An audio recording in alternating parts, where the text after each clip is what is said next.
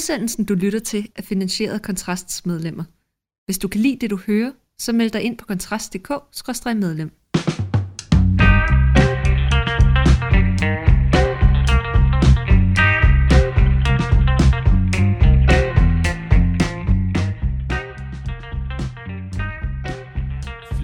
af de her debatter med antifeminisme, og også en del af anti og anti-udlændinger, antiseksuelle minoriteter og anti-anti-anti hænger sammen med, at det borgerlige Danmark, og måske hele den vestlige verden, er i en kæmpe idémæssig krise.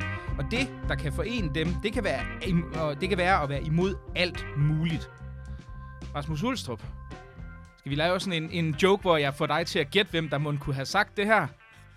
Simon Emil. Ja, det er Simon Emil Amesbøl. Det, det ved jeg, fordi vi har gjort ligesom tv-køkkenet i gamle dage, der forberedte os lidt, inden vi gik i gang med Fyraften med Kontrast, som jo altid er, eller som er, der som bekendt er det, du sidder og lytter til i det øjeblik. Mit navn, det er Mikkel Andersen Rasmus Ulstrup er, som man kan høre os i studiet. Og vi skal jo altså snakke lidt om uh, den her karakteristik af den gode ex-LA'er, ex-radikale og så videre, Simon og ex-FC Zulu, ikke at forglemme, uh, spiller Simon Emil. Øhm, fordi han, var, altså, han har vel lidt ret i noget, selvom jeg tror, vi politisk set er uenige med ham i meget, men han har vel lidt ret i, at, at øh, man kan vel, jeg mener, jeg ved ikke, hvor mange blå timer vi har haft gang i, hvor vi har siddet og snakket om problemerne med politikudviklingen i Blå Blok og så videre. Jo, jo. Jo, men han har da ret. Skov, Christian Gander Skov blev interviewet øh, af Berlingske her for et par uger siden til Fondsmarksprisen, øh, som også handlede om, at, at det borgerlige sprog er et nej-sprog. Altså det, det borgerlige sprog vi har også vores podcast Nej til Nyt. der er vi jo egentlig bare gå ud på at, øh, at være imod. Men det er vigtigt, at der er et, øh, et politisk projekt, der er nej-siger. Fordi dybest set, så handler de fleste af de her ting, altså wokeness, feminisme, kald det hvad du vil, identitetspolitik og andet, er, når man skærer alle deres superlativer væk, så er det interessekampe, de kører. Altså forstået på den måde, at øh, feminisme handler helt grundlæggende om en flok kvinder, der gerne vil øh, rave til sig. Altså øh, pakket ind i et politisk eller et moralsk sprog eller andet. Men hele det her social justice-koncept, hvis vi skal proppe alting ind under det, er dybest set bare nogle grupper af mennesker, der gerne vil fremme deres egne interesser, og så pakker de det ind i et, i et moralsk sprog eller et retfærdighedssprog. Og det er jo vigtigt, at der er nogen, der siger øh, stop hertil og, og ikke længere, fordi nu øh, Øh, er det egentlig bare egoisme pakket ind i et, et almengyldigt sprog, du, du forsøger at fremme her. Og jeg har tit undret mig, hvis jeg skal være helt ærlig, jeg har tit undret mig over den manglende, hvad kan man sige, værdighed eller integritet, man må have, hvis man som kvinde øh, fremfører sit politiske projekt som, at kvinder skal have mere. Altså, altså det, i det mindste har vi som oftest i et demokrati et, et, et forsøg på at at, at, at, at gøre det utydeligt i hvert fald, at det vi kæmper for er noget, der gavner os selv. Ikke? Altså lidt ligesom hvis du har pludselig øh, kommer på kontanthjælp, og du før var LA'er, så er det også meget tydeligt og uværdigt, hvis du pludselig synes, den vigtigste mærkesag er at hæve kontanthjælpen, fordi nu er du lige selv kommet på den. På samme måde er det også uværdigt, når en, en kvinde så åbenlyst kæmper for kvindens øh, øh ekstra, hvad kan vi kalde det, øh, Øh, fremmarsch i samfundet, fordi det egentlig bare er egen interesse. Og det har tit undret mig, at mange af de her øh, øh sådan social retfærdighedskæmper, vi har herhjemme, sådan slet ikke stopper op og tænker, ah, det er da pinligt, det er da pinligt, jeg står her, og så åbenlyst fremmer min egen interesse. Men det gør de altså. Og derfor er det godt, at borgerlige siger, vi har gennemskuddet dig, Øh, det vil vi ikke høre tale om.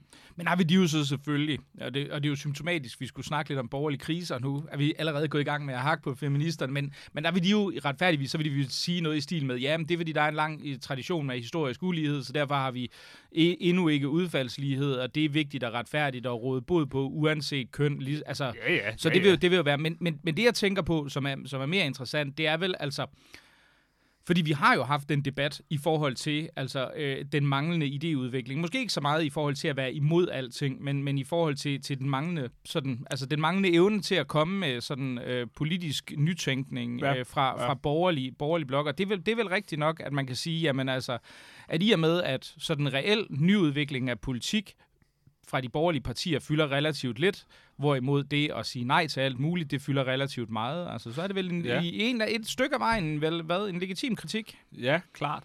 Øh, og det, men det tror jeg, jeg tror, det er mere komplekst end som så, fordi det er ikke nødvendigvis en idékrise. Det ligger vel snarere i den borgerligt konservative ideologi, at man vil forsvare de institutioner eller den samfundsorden, som man øh, jo netop er borgerligt konservativ, fordi man synes skal bevares. Og derfor er der ikke rigtig så voldsomt mange andre muligheder, end at man bruger så i hvert fald størstedelen af tiden på at stå imod samfundsomvæltende øh, mennesker. Altså det, det kommer jo an på analysen, ikke? Fordi det, mener du, at den tid eller det, der gør sig gældende, den herskende orden, der er, er en orden, der er værd at forsvare, eller mener du, det er en orden, der er værd at bryde ned? Og hvis du er progressiv, øh, venstreorienteret ofte, så mener du ikke, det er en orden, der er værd at forsvare, det er en orden, der er værd at bryde ned.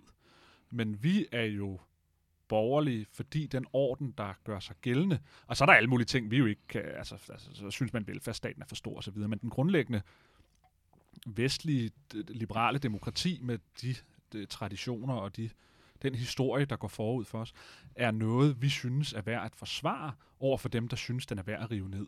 Og derfor må det være et modstandssprog, der gør sig gældende i borgerlig lejr.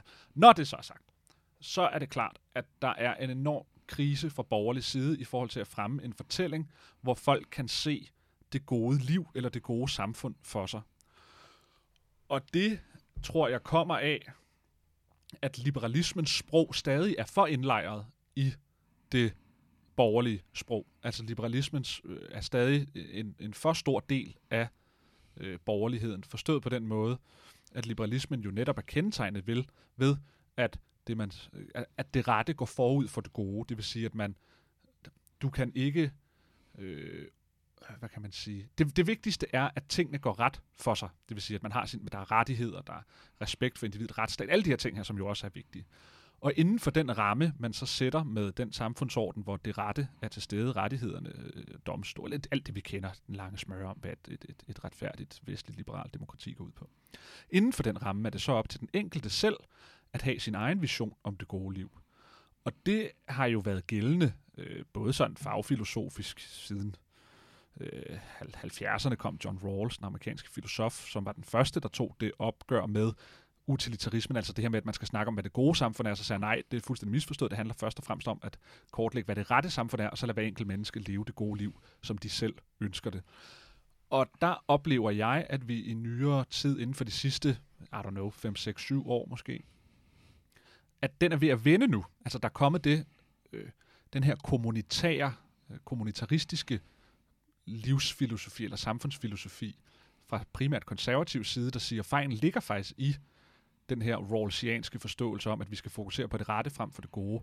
Og, og det er jo primært konservative kræfter, der har fremført den kritik af liberalismen, at hvis ikke man har en idé om det gode liv, så, øh, så har man faktisk ikke noget at byde ind med politisk. Og, og det tror jeg er meget, meget vigtigt, at man fremfører visioner for det gode liv. Det er jo det, Socialdemokraterne jo altid har været gode til. Ikke? Altså, de har jo altid været gode til at komme med nogle politiske budskaber og nogle helt konkrete politiske udspil, hvor folk kan sige, øj, ja, det der vil give et, et, et grundlæggende bedre samfund, det vil give et grundlæggende bedre liv for mig og, og andre her i samfundet. Og det, det er borgerligt dårligt til.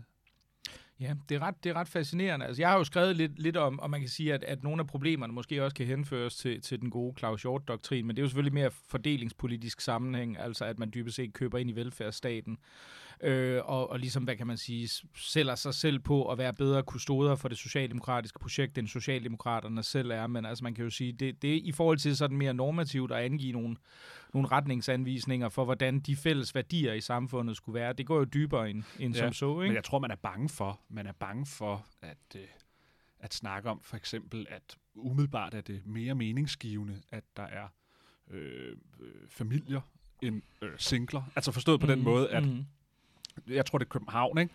hvor vi har aldrig haft så mange singler. Altså folk bor i hver deres lejlighed, og så bor de så alene i København.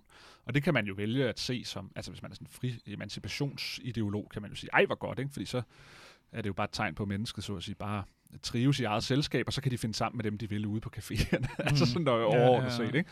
Og der tror jeg, man har været bange for fra borgerlig side at sige, hey, det der er et tegn på forfald. Altså ikke sådan, at fordi, fordi der er noget moralsk forkert i at, at bo i en lejlighed uden at have en mm-hmm. roommate eller, eller en familie. Men, men man kan jo tolke det som et, et bekymringstegn på, en, for eksempel en individualisering, der er slået så hårdt igennem, at, at, at folk åbenbart ikke orker at stifte familie, mm. eller orker det parforholdet nu engang også medfører, og så videre, og så videre, og så videre. Hvor man jo godt fra borgerlig side kan gå ind og sige, hey, hvad, hvad, hvad er det, der, der foregår? Er det, er det folks præferencer, at man gerne vil leve et så individualiseret liv, eller, le- eller eksisterer der nogle længsler, nogle drømme, nogle forhåbninger om livet, som viser sig ikke at blive indfriet i det senmoderne samfund? Og det tror jeg, da, der gør for mange. Fra sådan almindelig klassisk økonomisk side vil man sige, mennesket ender altid så at sige ud i den situation, der er deres egne præferencer. Så hvis der bor mange alene, for eksempel, hvis der er få familier og få børn og mange, der bor alene, så vil det i sidste ende være et udtryk for, for, for folks præferencer, fordi det er det, de har valgt. Det, det, det er jeg ikke helt sikker på er rigtigt i det tilfælde, fordi det her jo er et socialt spørgsmål, nemlig at der, det handler om, at der er flere, der skal... Der, der taler om en eller anden form for markedsfejl, hvis man kan sige det sådan. Fordi det er en kompleksitet i sociale relationer, der på en eller anden måde er gået fløjten. Altså det er svært at, at, at forbinde sig med andre mennesker. Og jeg tror særligt i Danmark er vi dårlige til det. Ikke? Mm. Altså, hvor, altså hvis man bare tager sådan ungdommen for eksempel i, i andre lande, hvor man godt kan gå ud alene, altså på en bar, og så falde i snak med andre der. Ikke? Hvor vi i Danmark, så vil man tænke, hvem er den underlige person, der, der er taget alene på bar her? Hvorfor har han ikke taget afsted med sine venner? Det vil sige, hvis du ikke har nogen relationer, Mm. så er det også enormt svært at få dem. Øh, og, og der er en masse ting der, øh, og det er jo nogle helt lavpraktiske ting. Men der tror jeg bare, at man som borgerlig ikke skal være bange for at sige, at livet med en familie grundlæggende er mere meningsgivende, og det er et bedre samfund, hvis folk lever i familier og får børn og alt muligt andet, end hvis folk lever for sig selv i en lejlighed og bestiller mad bragt ud. Mm. Øhm, og, og der tror jeg bare, at man har været bange for at sige, "Jamen, fordømmer du så øh, den enlige Øh, og så ved jeg ikke, hvorfor politikerne måske tænker, at det kan jeg ikke forsvare, fordi det, det kan godt være, at jeg så gør det. Men det gør man jo selvfølgelig ikke. Altså, Mm. det, er jo ikke det er jo ikke, fordi man vil sparke på folk. Det er jo for at sige, hvad fanden er det, der er gået galt? Når der tydeligvis er en længsel efter en tilværelse, som på en eller anden måde ikke bliver indfriet i det, i det senmoderne samfund. Mm. Og det synes jeg, at man som borgerlig skal gå ind og sige, hvordan kan vi pege på nogle løsninger i forhold til det? Det kan jo være styrkelse af, af, af, af de øh, frivillige lokale samfund, fællesskaber, foreningslivet, familielivet osv., hvor, hvor man øh, kan gå ind og lave noget der. Ja, altså jeg ved ikke, jeg, jeg kom til at tænke på det en del dengang, vi havde, vi havde de, der har været de her debatter. Jeg mener også, du har skrevet en klumme om det på et tidspunkt, Rasmus, i forbindelse med de her skilsmissediskussioner, ikke? Altså hvor man, altså hvis man kigger relativt nøgteren på det, så er skilsmisse i næsten alle, hvis, hvis ikke næsten alle, så i hvert fald virkelig, virkelig mange sammenhænge, en, en relativt sikker, sådan på populationsplan, forudsigende, altså det, det forudsiger ret meget, at det vil gå alt andet lige dårligere for børn fra skilsmissefamilier, yeah. end det vil for børn i parforhold. Ja.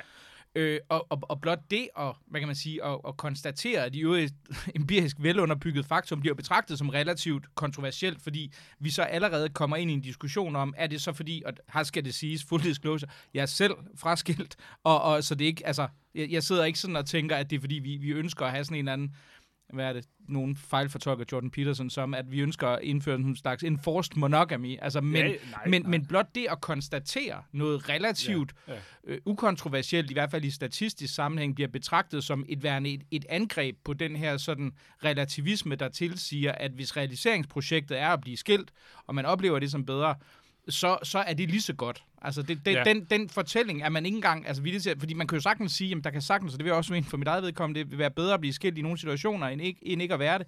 Men ikke desto mindre må man bare anerkende, at sådan på et samfundsplan, Mm. Så ser det ud til at være forbundet med dårligere udkomme for børn i en Ja. række sammenhænge. Ja, ja. Og, og altså, jeg, skal jo, jeg, jeg sidder bestemt heller ikke og prædiker om det. Jeg er jo selv en af dem, der bor alene i min lejlighed i København og får mad bragt ud fra folk. Men, men, og, og det er måske også det, der er hele problemet ved de her slags diskussioner her. Ikke? Det er, at man bliver så optaget af, hvem er det, der sidder og siger hvad, og hvem mm. er Mm. det, der lever op. Fordi der ligger sådan en, og det kan man jo godt forstå, altså der ligger jo sådan en, åh oh, nej, skal jeg føle mig ramt af det her, når nogen siger noget og så videre. Men jeg er jo selv lige så ramt af det, jeg selv mm, siger, som mhm. alle mulige andre sikkert føler sig ramt. Det handler om at have en åben samtale om, hvad, hvad, hvad fanden er det, hvor er det, vi vil hen i det her samfund her? Hvad er det, der, der, der, der er livet, der er værd at leve, og, og som giver et godt liv, både for en selv, men så sandelig også for ens børn, for Mhm. eksempel. Ikke?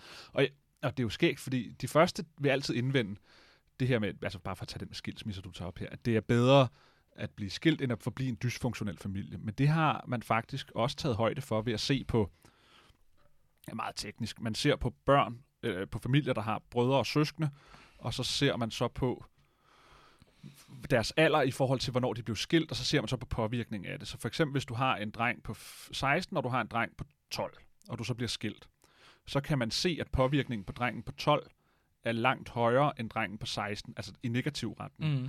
Og, og, og det viser egentlig bare, at det var bedre for den ældste at være i den dysfunktionelle familie, Mm. til han var 16, end det var for den 12-årige, hvor forældrene blev skilt. Hvis det passede, at det var bedre at opløse en dysfunktionel familie, så burde det jo vise sig i positive udviklingstendenser for den 12-årige, kontra den 16-årige, der var i den dysfunktionelle familie Mm, gennem sin mm. uddannelse for eksempel. Men det viser sig faktisk om, at det var bedre at være den, Mm. at være den der var. Det er meget komplekst, og der er en masse metodisk i det, men bare sådan overordnet Ja, ja, set. ja. Øhm, så der er ikke så meget at komme efter på den, sådan rent Mm. statistisk. Men jeg tror, man er så bange for at blive dømt. Altså føle sig dømt. Føle sig Mm. som en sønder, så at sige. Mm. Og det synes jeg faktisk tit er enormt ærgerligt, sådan, hvis man skulle tage det op på metaniveau for den poli- politiske diskussion i det hele taget. Fordi nu, altså ligesom du siger, du, du er selv fraskilt, altså, men, men det ville jo være helt horribelt, hvis, øh, hvis, hvis man ikke kunne sidde og have en samtale om, hvorvidt øh, de her skilsmisserater er skidt eller godt for, for samfundet og for børn og alt muligt andet, hvis det var fordi, at man ikke måtte sige det, fordi det kunne være, der sad se- skilsmisseforældre og hørte det. Mm. Altså, så, så, altså man skal da være Altså, jeg gør da også alt muligt i mit liv, hvor jeg tænker, herreste Gud, det sgu ikke særlig godt for hverken mig selv eller samfundet. Og det er faktisk det, vi skal snakke om i næste fyraften med Kontrast, Rasmus. Øh, Vi har en lang liste. Den gennemgår vi fra toppen af. Det bliver rigtig sjovt. Lyt med på Men torsdag. der tror, jeg, der tror jeg bare, at, øh, at venstrefløjen på en eller anden måde er mere bramfri. Mm. Altså, de tør godt sige, mm. at, at, at borgerlig, det borgerlige liv, eller småborgerlige liv, har alle mulige dårlige konsekvenser for sorte og kvinder og minoriteter og indvandrere og alt muligt andet. At man, altså Mm. på den måde skyde skylden på nogen for noget, der er dårligt. Men, men borgerlige er meget, meget lidt øh, til at, at fælde nogen domme over, om der er noget, der er godt eller skidt. Mm. Mm. Og det, i virkeligheden er det jo et meget sympatisk tegn. Altså, fordi, fordi altså, det er da ikke særlig sympatisk at sidde og sige, det er skidt at blive skilt. Nej, nej, Altså- nej, altså nej, sådan nej, altså, nej, nej, nej, det er klart, altså, men, men jeg tænker jo bare på, at, at der er jo nogen, hvad kan man sige, altså, der, der er jo, altså, at hvis man ikke er villig til som udgangspunkt at erkende de dårlige ting forbundet med Ja. en, en bestemt handling, altså så, så, er det jo, så bliver det jo også et, et, hvad kan man sige, et relativt ureflekteret valg, som man kommer til at træffe i mange situationer. Ja. Ikke? Altså, og og det er der, jeg synes, det er en, at relativismen er meget fascinerende, for jeg mener jo ikke, at man skal lave en eller anden ægteskabslovgivning, som så gør, at, at Nej. det er sådan noget old school katolsk, at folk ikke kan blive skilt. Jeg mener bare, at det er, en, det er interessant at se, hvordan, altså, hvor, hvor fraværende viljen til faktisk at reflektere over nogle af de, Ja. de tendenser, man ser Ja. i, i uh, at man kunne jo tage det med at få mange børn også. Altså i gamle dage var det jo en god ting. Ja. Altså der var det jo sådan en, en entydigt forbundet med en god ting, og der kan man jo så sige, jamen altså det, hvis man ikke får særlig mange børn, har det negative afledte konsekvenser for samfundet. At det er noget, man skal tale om på et politisk plan, eller i talsæt i en eller anden grad. Ikke? Og det bliver også meget Ja, altså, sådan og det er jo fuldstændig, på og den det er jo måde. afgørende at tale om det. Fordi Mm. en population, der ikke kan holde sig selv ved lige, altså hver kvinde skal i gennemsnit få 2,1 barn. Mm. At, og, og, hvis ikke man får det, så har man en population, der er i gang, der er i gang med at begå langsomt kollektivt selvmord. Ja, ja. altså, det er jo- altså, så selvfølgelig er det et kæmpe problem. man vil i hvert fald sige, at som selvmord eller ej, men man kan sige, det, det er jo naturligvis klart, at hvis, hvis man har en fødselsrate, der nærmer sig lidt omkring 1 eller 1,2, eller hvad det er, som vi faktisk ser i, i nogle både øst og, så vidt jeg husker, også vesteuropæiske lande, jamen altså, så kan du bare tegne en linje, og så, så vil på et eller andet tidspunkt vil, vil populationen jo altså, forsvinde, ikke? Så Ja, der er præcis. simpelthen ikke være flere tilbage, for den ikke, altså, og, og, det, der synes jeg også, det er interessant, at man kan ikke, altså, at, at der bliver sådan en slags jumping til, at hvis man, hvis man i det hele taget forsøger at problematisere det Mm. politisk, så bliver det til, at man går ind og siger, jamen, du skal diktere, hvordan jeg skal ja, hvordan jeg som enkeltindivid Jeg skal skal, leve skal, mit skal liv, leve ja. mit liv, og hvad det er for nogle valg, jeg rent personligt skal træffe, og hvor jeg siger, jamen, jamen prøv at, det, det må du altså, det, det må du jo, det er et frit samfund, det må du selv lægge rode med, men, vi kan, altså, men der vil jo være noget hensigtsmæssigt i at have en kollektiv debat om de her ting, med en grundlæggende accept af nogle relativt selvindlysende ting i forhold til Ja. det her, ikke? jeg, jeg, jeg tror, der er to ting, der gør sig gældende i den her diskussion. Den ene er, på trods af, at tingene jo aldrig har været nemmere, øh, altså forstået på den måde, at vi, velstanden er jo, altså stiger jo hele tiden, øh, teknologiske løsninger gør tingene nemmere, velfærdsstaten bliver også hele tiden udbygget. Man skulle ligesom tænke, alright, der er fri passage, så at sige, til at få en masse børn, for eksempel. Mm. Fordi det er ikke lige så hårdt og træls, som det var tidligere. Men det tror jeg på en anden måde faktisk også, det er. Altså fordi,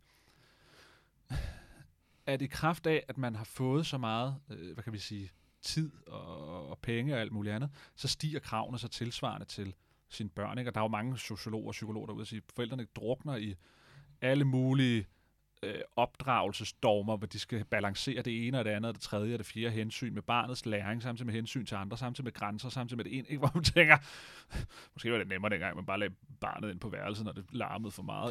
Altså, det, var, det var ikke godt for børn, måske, nej. Men, men, men, men, men hvis det var så... Altså, man, kravene stiger hele tiden mm. til den Mm. enkeltes øh, selvforståelse af, hvordan den enkelte skal præstere, eller øh, agere i en verden, som på en eller anden måde er blevet umuligt at navigere i, og det kommer jo til udtryk i alle mulige sammenhænge. Og jeg tror sådan set, der er noget andet i det også, og det er, at emancipationen, altså ned, nedbrydelsen af normer og, og grundlæggende autoritære regler, hvis man kan sige det sådan, som traditionen kan være, når den er forsvundet, så kommer der også altid flere konflikter. Mm. Altså, hver familie holder juleaften på sin helt egen måde. Mm. Hver øh, forældre øh, har sin helt egen forestilling om, hvordan børn skal opdrages.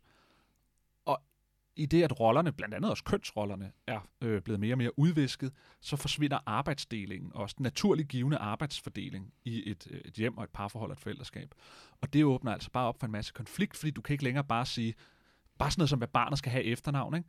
I stedet for, at det bare har farens. I stedet for, at konen tager mandens efternavn, og barnet får mandens efternavn. Så skal man nu sidde og diskutere, hvilke efternavn og mellemnavn, der nu hver især skal tages fra både den ene og den anden og den tredje part. Og det er jo en lille ligegyldig ting. Ikke? Men, men, men, men det er bare for at sige, når der ikke længere er en norm, man kan henvise til, der hedder, sådan her er det, fordi det er sådan her, det altid har været, så sådan gør vi bare. Mm. Så bliver sociale relationer også mere komplekse, de bliver tungere, de bliver mere krævende. Ja, altså det vil, det vil jo indebære en konstant genforhandling ja, i, en frygtelig masse situationer. Altså, men nu, nu vil jeg jo så, for jeg kan allerede høre sikkert en eller anden på Twitter sidde og sige, Rasmus sagde, at det var den naturligt givende fordeling, men tilbage i 1800-tallet, der var kvinderne faktisk i høj grad øh, også en del af arbejdskraft ude i landbrugssamfundet og sådan noget. Meget af det er jo, er jo rigtigt nok, ja, ja. men man kan jo sige, Altså, for de normer er jo altså, relativt fleksible i alle mm. mulige sammenhænge. Altså, for eksempel den hjemmegående husmor er jo, og det har de woke jo i øvrigt ret i, altså er jo et, et, et, et historisk perspektiv, et meget, altså som det, som mange konservative elsker og idoliserer som værende sådan, hvad kan man sige, et, et, næsten i anførselstegn, det naturgivende er jo en, en kort periode ja, ja, i historien, ja. vi ser fra sådan industrialiseringen og så op til 1960'erne en gang. Men der er det, der er det vigtigt for mig at sige, altså, at, at det vigtige her er ikke, hvad den rollefordeling mm, er. Mm. Det vigtige er, ja, ja, at der ja. eksisterer en ja. given rollefordeling i tilværelsen. Og det er, nu er det bare mænd og kvinder, fordi det er det, mm. der er den mest oplagte. Det er jo også sådan noget med, hvad man skal med sit liv. Altså, skal man overtage fars øh, forretning, eller skal man selv ud og skabe noget? Mm. Hvor man jo i dag jo hele tiden selv skal ud og skabe noget. Altså, jeg tror simpelthen, der er sådan en, hvad kalder man sådan, fatigue. Altså, der er sådan, der er sådan en social træthed af, mm. at alting skal forhandles og genforhandles, og kompromiser på den ene og den anden måde, ned i allermindste detalje i alle relationer i tilværelsen. Mm, mm. Og bestemt i familielivet, i opdragelsespørgsmål, i parforholdsspørgsmål og andet, hvor det bare er nemmere at sige, ved du hvad, jeg har så mange penge, at jeg behøver faktisk ikke en kone, jeg behøver ikke en kæreste. Jeg kan faktisk bare leve mit liv, som jeg men, selv Men er det ikke, altså, hvad kan man sige, altså modernitetens forbandelse, som jo. vi på en eller anden måde ikke kan komme ud jo, af? Fordi jo. jeg kan huske, altså vi, vi har også siddet og snakket om det, og jeg kan huske en anden gang, vi sad over en øl, hvor, hvor du også havde det samme argument, og så sidder jeg og siger, ja, men Rasmus, ikke i 1400-tallet, ikke? så vidste folk, hvad deres plads var, og det var, det var overtage, det var overtage slægtsgården, og så kunne de så leve i øh, altså armod og fattigdom, men at vide, Gud var for oven, og så kunne de trække deres, øh, deres to okser, øh, hvis de ikke døde af et eller andet kvægpest øh, hver andet år, eller de selv døde af pest, ikke? så kunne de så trække dem frem og tilbage over marken, og så kunne de føle, at de havde levet et ydmygt liv. Men jeg tror jo, eller et, et godt liv, der i hvert fald levede op til de normer. De kom som, tættere på Gud. Ja, ja, sikkert ikke. Altså, de har jo sikkert følt, at der var, de havde en given, given rolle i tilværelsen, den havde de så udspillet, og det var så meningsgivende for dem selv. Men hvis jeg sidder og tænker, hvis vi nu øh, altså, fandt den her tidsmaskine et sted her på Østerbro, ikke, og så rejste tilbage til, øh, til 1400-tallet og spurgte dem, ikke, hey, prøv at komme frem til os i, øh, her i det 21. århundrede. Nu skal I høre, hvad vi har af fede ting, og I kan jo også realisere jer selv på alle mulige sjove måder. Altså, jeg er, ikke, jeg er ret sikker på, at en del af dem, vi har sagt, det lyder faktisk ret sjovt, og så, så, vil, så vil du være sådan helt, ja, men der er virkelig mange køn, og så vil de være sådan, ja, yeah, what ifs, det finder vi nok ud af hen ad vejen, ikke? Altså, jeg synes faktisk, det der med, at man bare kan sidde og arbejde ved et skrivebord hele dagen, og også skifte job i løbet af livet, det lyder meget sjovt, fordi så fedt er det faktisk ikke at okse rundt med de der to men okser hele dagen. Fuldstændig, det er derfor, moderniteten er en jernnæve, der knuser menneskelivet, men der er ikke noget at gøre ved det. Mm. Andet end selvfølgelig at blive ved med at forbande det. Og det er jo, det er jo den borgerlige pligt at forbande den, ligesom, ligesom at, at Cowboy forbandede jernbanens mm. indtog, ikke? Altså, og det, det, det, det er der noget romantisk ved, det er der noget, noget skønt ved, og der er også noget sandt i det, også selvom det er uafvendeligt. Og der lavede du jo nærmest en lille overgang til vores, uh, til vores næste segment, fordi jeg har jo igen set opbyggelige kulturprodukter. Jeg ved ikke, om det vil blive en tilbageværende ting, men, uh, men jeg har moret mig meget over at se øh, den her nye øh, Sky Showtime-serie, der hedder øh, 1923. Og den er en del af sådan en slags længere seriekompleks, hvor det nyeste i serien hedder Yellowstone. Den har Kevin Costner i hovedrollen. Jeg har ikke set den. Der er også en Øh, en prequel til, til, øh, til 1923, der hedder 1883, den har jeg heller ikke set. Men jeg valgte at se, øh, øh hvad det hedder, 1923 sammen med, øh, med min kæreste, fordi den, var, øh, den havde Helen Mirren og Harrison Ford i hovedrollerne. Og der, der må jeg jo nok sige, okay, det er, ja, det, er det, det er et rimelig uh, kick-ass setup. Den så ud til at have et stort budget. Det har den også. Den er virkelig flot lavet. Øhm, og, og det synes jeg var en, en, en ret sjov oplevelse, fordi den er, der er simpelthen tale om en serie, der er grounded i sådan en slags pioneer spirit. Det er sådan, hvis man har læst Laura Ingalls, Ingalls Wilders øh, Det lille hus på prærien, om den her nybyggerfamilie i slutningen af 1800-tallet, der flytter rundt mellem Wyoming og Missouri og Kansas, hvis jeg husker rigtigt, men i hvert fald i det her område, så er det, så er det meget den samme slags miljø, den beskriver, bortset fra, at vi tog den frem i 1923, så det, det giver nogle sjove konflikter, hvor der også pludselig er biler samtidig med, der kører cowboy, eller der rider cowboys rundt osv. Men det fascinerende er, at det er den her den her frontier mentality, hvor det er de her ranger, der bliver beskrevet som de sympatiske. Det er mennesker, der har realiseret sig selv gennem hårdt arbejde og tæt kontakt med naturen. Det er folk, der nyder, nyder naturen virkelig meget.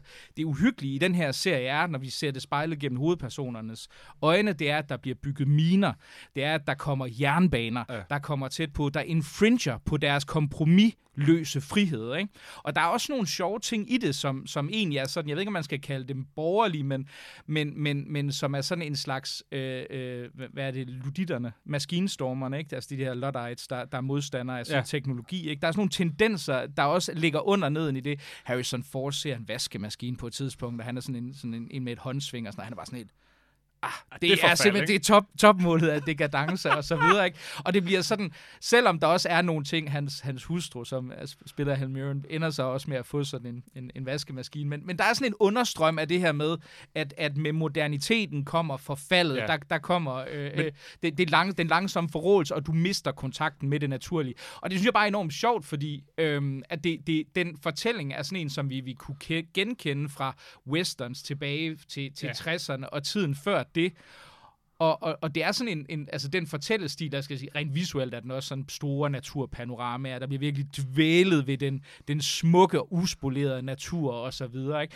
Men, men den måde at fortælle historier på er, er, er næsten forsvundet, ikke? Og jeg synes jo. bare, det var sådan, øh, at det ikke, der er, der er også nogle problemer med, med, med serien. Der er narrativt, der er den halvdårlig, der er sådan B- og C-historie som ikke er helt optimalt forløst. Men, men grundlæggende set er den bare enormt sjov, både fordi Helen Mirren og Kevin, nej, uh, Harrison Ford gør det fantastisk, men også fordi det er sådan ligesom at få et tilbageblik på en, en periode i filmhistorien, som bare er ikke er repræsenteret længere på, ja. på nogen meningsfuld måde. Ja. Ja, altså westerns har jo altid været dybt konservative fortællinger. For det. Altså Once Upon a Time in the West, Sergio Leones afslutningswestern er jo også en forfaldsfortælling om, om om jernbanen, der kommer. Ikke? Altså, altså, det er jo det, filmen går ud på. Det er westerns genrens øh, afslutning, så at sige, da mm. den kommer frem til det. Der er noget interessant, synes jeg gerne lige vil ind med. Grunden til, at man også ser det her med vaskemaskinen som noget dekadent, det er fordi, at moderniteten, det den først og fremmest har gjort sådan i etisk forstand, det er, at den har nedbrudt dydsetikken. Det vil sige, den har nedbrudt den nødvendighed af at, af at kultivere dyder i mennesket. Og når man så ser på konsekvenserne af øh, moderniteten og, for, og, og, og, og den forsvinden, der var i dydsetikken, altså det var Aristoteles, der så at sige opfandt dydsetikken i det, det er, at mennesket lever over evne, fordi øh, verdens orden er nu engang skabt til dyd. Ikke? I det øjeblik, vi pludselig kan producere mad på den måde, vi kan, så bliver vi tykke og usunde. I det øjeblik, vi kan øh, hår løs, uden konsekvenser, så får vi kønssygdomme en masse hver gang mennesket sætter sig ud over den orden, der er givet i verden, så har det altid en masse følgevirkninger med. Og det afslører, det afslører simpelthen i sig selv, at mennesket i moderniteten har sat sig ud over den sti, der er blevet lagt for dem, nemlig dydens smalle sti, som de burde befinde sig på. Og vi bliver straffet, når vi ikke befinder os på den. Det er sådan skaberværket, så at sige, er skabt. Det er hård straf, ved at leve med de muligheder, moderniteten giver. Og så kommer der så et kapløb, fordi så har man samtidig en medicinalindustri, der så sidder og lapper på alle de følgevirkninger, der er ved, at vi har sat os ud over dydsetikken, nemlig den totale hedonisme. Så der er sådan en konstant kapløb mellem modernitetens øh, hårde konsekvenser af at sætte sig ud over dyden, og så på den anden side en medicinalindustri, der med selv samme modernitet prøver at lappe på alle de konsekvenser, der kommer af det. Og i virkeligheden så er det faktisk et meget godt sådan bevis, hvis man skulle derhen og slutte hårdt af på, på Guds eksistens, fordi at alt, hvad vi gør, der er moderne og frigjort og løsluppent, det bliver slået hårdt ned på af naturens orden. Jeg siger bare, hvis du havde været med i Stanley Kubricks Rumrejsen 2001, hvor man ser de her proto-humanoide aber, der samler en, en, en, øh, hvad det hedder, en knogle op for at bruge den som en kølle, ikke? Altså det første redskab, ja. menneskeheden. Hvis du havde været med i den film, Rasmus, så havde du stået ude på sidelinjen og sagt til den her abe på et protosprog, så havde du sagt, prøv at høre, du bliver simpelthen nødt til at lægge den der dekadente knogle ned. Vi har igennem altid slået hinanden ihjel ved at tæske hinanden med vores næver, og det er den oprigtige måde, som skaberværket har tænkt, at vi skulle myrde Ja, hinanden fordi- på. fordi- det andet er dekadent. Fordi det gør ondt i, i knorene at slå. Præcis. Så, så derfor så holder man sig tilbage for at udøve vold. Ikke? Men når du så kan bruge redskaber, så kan du lige pludselig slå løs. Ikke? Det er jo det. Tænk, tænk, hvis den smerte det, under Auschwitz, for eksempel ikke under Holocaust, tænk, hvis hver tysker, tyske nazist, der stod for noget af det, følte bare en, en, en 10% af den smerte, ligesom man kan gøre i knogen ved at give en en knyt, ikke? så vil der ikke være nogen holocaust. vel? Det synes jeg er en, øh, den tese, vi er af historiefaglig grund undlader, undlader at kommentere på. Jeg tænker, vi skal ikke, men, øh, men jeg kan godt se, øh, jeg kan godt se forfaldstesen, der kommer ind der, men øh, ja. Derfor, der, der, er ikke, der er ikke nogen, altså, men der er ikke nogen, hvor du tænker, det her instrument, det var okay. Jo, det var- musikalske instrumenter. Musikalske instrumenter. Det er nemlig dydsopbyggende, læg mærke til Det det. er Det, det det. kræver flid, kræver koncentration, øvelse, øvelse, øvelse, disciplin, ikke? for at frembringe skønhed. Det kræver ingen disciplin at fremfa- frem, fremmane forfald. Jeg siger bare, at hvis Bach skulle have fløjtet samtlige sine sonater, skulle han nok have koncentreret sig en lille smule mere, Rasmus Hulstrup. Anyway, det var, hvad vi havde i øh, Fyraften med Kontrast i dag. Som altid, det er medlemmer, der betaler for gildet, så ind på kontrast.dk-medlem og meld dig ind nu. Tak fordi du lyttede med.